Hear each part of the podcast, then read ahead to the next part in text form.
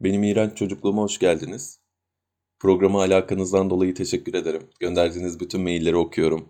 Bir konuya açıklık getirelim ki bu bir komedi programı değildir. Programın adından da anlayacağınız üzere benim iğrenç çocukluğum hakkında konuşuyoruz. Komik çocukluğum hakkında değil. Dolayısıyla bu bölüm yeterince komik değildi gibi yorumlarınızı bu bölümde biraz toksik arkadaşlardan konuşacağız. Ben bolca toksik arkadaş deneyimleme fırsatı buldum ama sadece bir tanesini anlatacağım bugün. Bunun için 2000 yılına dönüyoruz. Meşhur milenyum. Bizim yaşıtımız çocuklar için milenyum senesi aynı zamanda Pokemon senelerine denk geliyor. Parmak uçlarımız nasır olana kadar taso fırlatırdık. O senelerde Hobby Jole ve Jager parfümle yeni tanıştığımı hatırlıyorum. Televizyonlarda ise Rosalinda ve BBG izlenme rekorları kırıyordu. O sene Galatasaray UEFA Kupası şampiyonu oldu. İletişim araçları hızla artarken iletişimimizin gitgide azaldığı yıllar. Babamın işi nedeniyle çok sık şehir değiştirdik. Bir anlamda bu çok okul, çok arkadaş ve çok öğretmen demek. Ve aynı zamanda sürekli yeni bir şeye adapte olma kabiliyeti de kazanmak demek.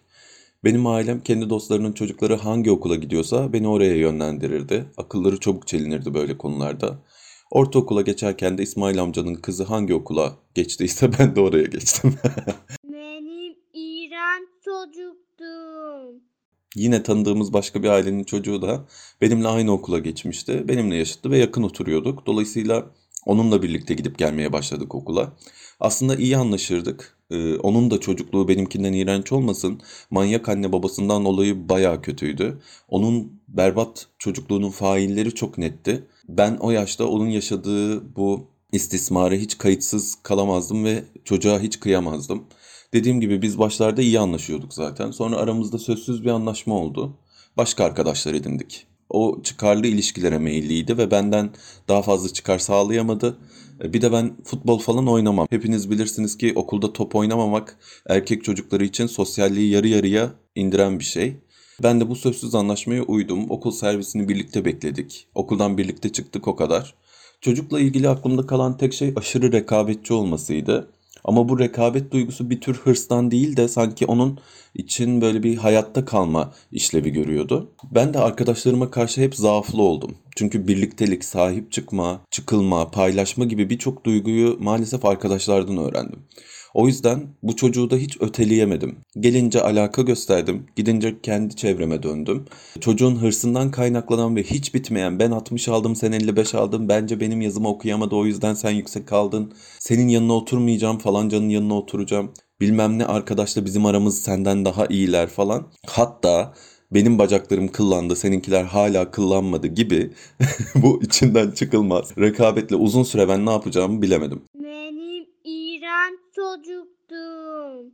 Bu okul değişimi yeni gelenleri ve notlarını bayağı etkiledi benimle birlikte. O sene zar zor teşekkür alacağım ilk defa. Bir gün yine bu çocuk şov yapıyor. Okulun son günü servis bekliyoruz. İşte ben teşekkürle kurtaracağım ama senin karnı boş gelebilir üzülme sakın falan diye dakikalarca beni kuruyor. Sinsi sinsi artık nasıl sızdıysa zihnime bütün gün bok gibi geziyorum ortalıkta. Ama bir sıkıntı olmuyor. Ben tahmin ettiğim gibi teşekkürümü alıp oturuyorum.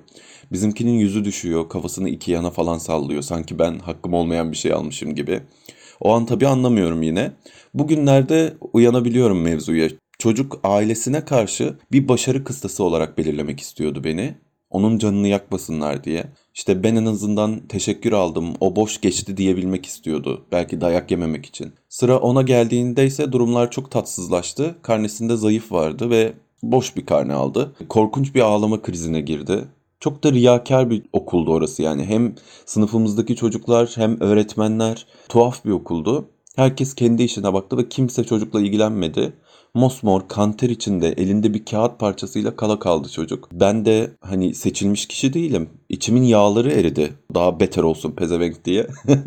Ama çok şükür ki bugüne kadar taşımaktan iftihar ettiğim ve en güvendiğim yanım e, otomatik olarak devreye girdi. Artık maya mı dersiniz ne dersiniz bilmiyorum. Çocuğun yanına oturdum. Bir arkadaşın yapabileceği ne varsa hepsini yaptım. O da allak bullak oldu ben de. Basınç ve havasızlık hissettiğimi hatırlıyorum ortamda. Bir tür çaresizlik, devranın dönüşüne lanet etme asiliği, kabına sığmama duygusu sardı. Ben dedim ki karneleri değiştirelim. Başta aklına yattı, sonra da korktu, olmaz dedi. Sonra anlarlarsa daha kötü olur. Sonra da git başımdan dedi. Sana gün doğdu tabii dedi.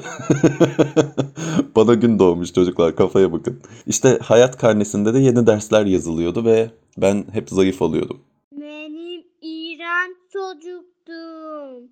Bu arada başka bir çocukla da iddiaya girmişler. O kazanırsa diğer çocuk ceza olarak gelip beni tartaklayacakmış. Böyle böyle şeyler. Çok şükür biz de boş değildik de ezdirmedik kendimizi çere çöpe. ben bu olaydan sonra da çocuğa bir daha hiç pas vermemeye karar verdim. Şimdi niye anlattım bunları? Bu hikayenin ana düşüncesi ve kazanımı benim için şöyle. Bir yaz günü boş bir parkta oturuyorum. Kimse yok. Dıp dramatik bir ortam. Bu geldi şans eseri. Diğer salıncağa oturdu. Biz dedi niye böyle olduk? Çok iyi anlaşıyorduk falan. Ben de 11 yaşında değilmişim gibi aklıma gelen her şeyi mantıklı mantıklı anlattığımı hatırlıyorum. Daha doğrusu anlamadıklarımı anlattığımı hatırlıyorum. Çocuk da dinledi böyle başlarda itiraz edecek gibi oldu. Sonra konuların bütünlüğü ve istikrarı karşısında pes etti ve özür diledi. Ben çocuğu affettim. O yazı beraber sağda solda çekirge kovalayarak ve birbirimize cinli hikayeler anlatarak ve bisiklet sürerek geçirdik. Yaz bitince çocuk yine özüne döndü. Ben de takdir aldım. Bu 23 Nisan bayramlarında yurt dışından misafir çocuklar getirilirdi. Bilmem hatırlar mısınız? Ben bir çılgınlık yapıp ailemden habersiz bir tane çocuk kabul ettim. Ondan sonra da annemlere söyledim. Ben artık kabul ettim geri gönderemeyiz falan gibi. Beklemediğim bir şekilde sıcak karşıladılar. Ve akşam geç bir vakit bütün veliler ve okul görevlileri havalimanına gittik. Bütün çocuklar indi, sarıldılar, tanıştılar. Bir tek benim çocuk hastalanmıştı ve gelememişti. Benim iğrenç çocuktum. Bütün planlar suya düştü. Annem o çocuğun annesini aradı ve dedi ki, dedi oğlanı yollar mısın bizim çocuk çok üzgün. Misafir çocuk yerine o akşamı küs olduğum Osman'la geçirdim. Bugün sizden gelen iğrenç çocukluk anısına yer veremeyeceğim maalesef. Çünkü sizden sadece bir adet anı maili geldi. Niye öyle yaptınız? Ee, bir kez daha hatırlatalım. Ben her yayında söylemiyorum sevimsiz olmaması için. Bence çok iyi bir hesap gmail.com adresine fişekleyebiliyorsunuz. O gelen bir taneyi beğenemedin mi de anlatmıyorsun gibi düşünmeyin. Ulaşan mail bizim içeriğimize pek uymayan tarzda bir şey. Daha çok ne bileyim mahkemeye, e, alanında çok çok iyi bir terapiste anlatılması gereken bir şey. O su kaynar taşar, bu mesele bizim boyumuzu aşar diyorum. Bu beklenmedik vecizeyle aranızdan çekiliyorum.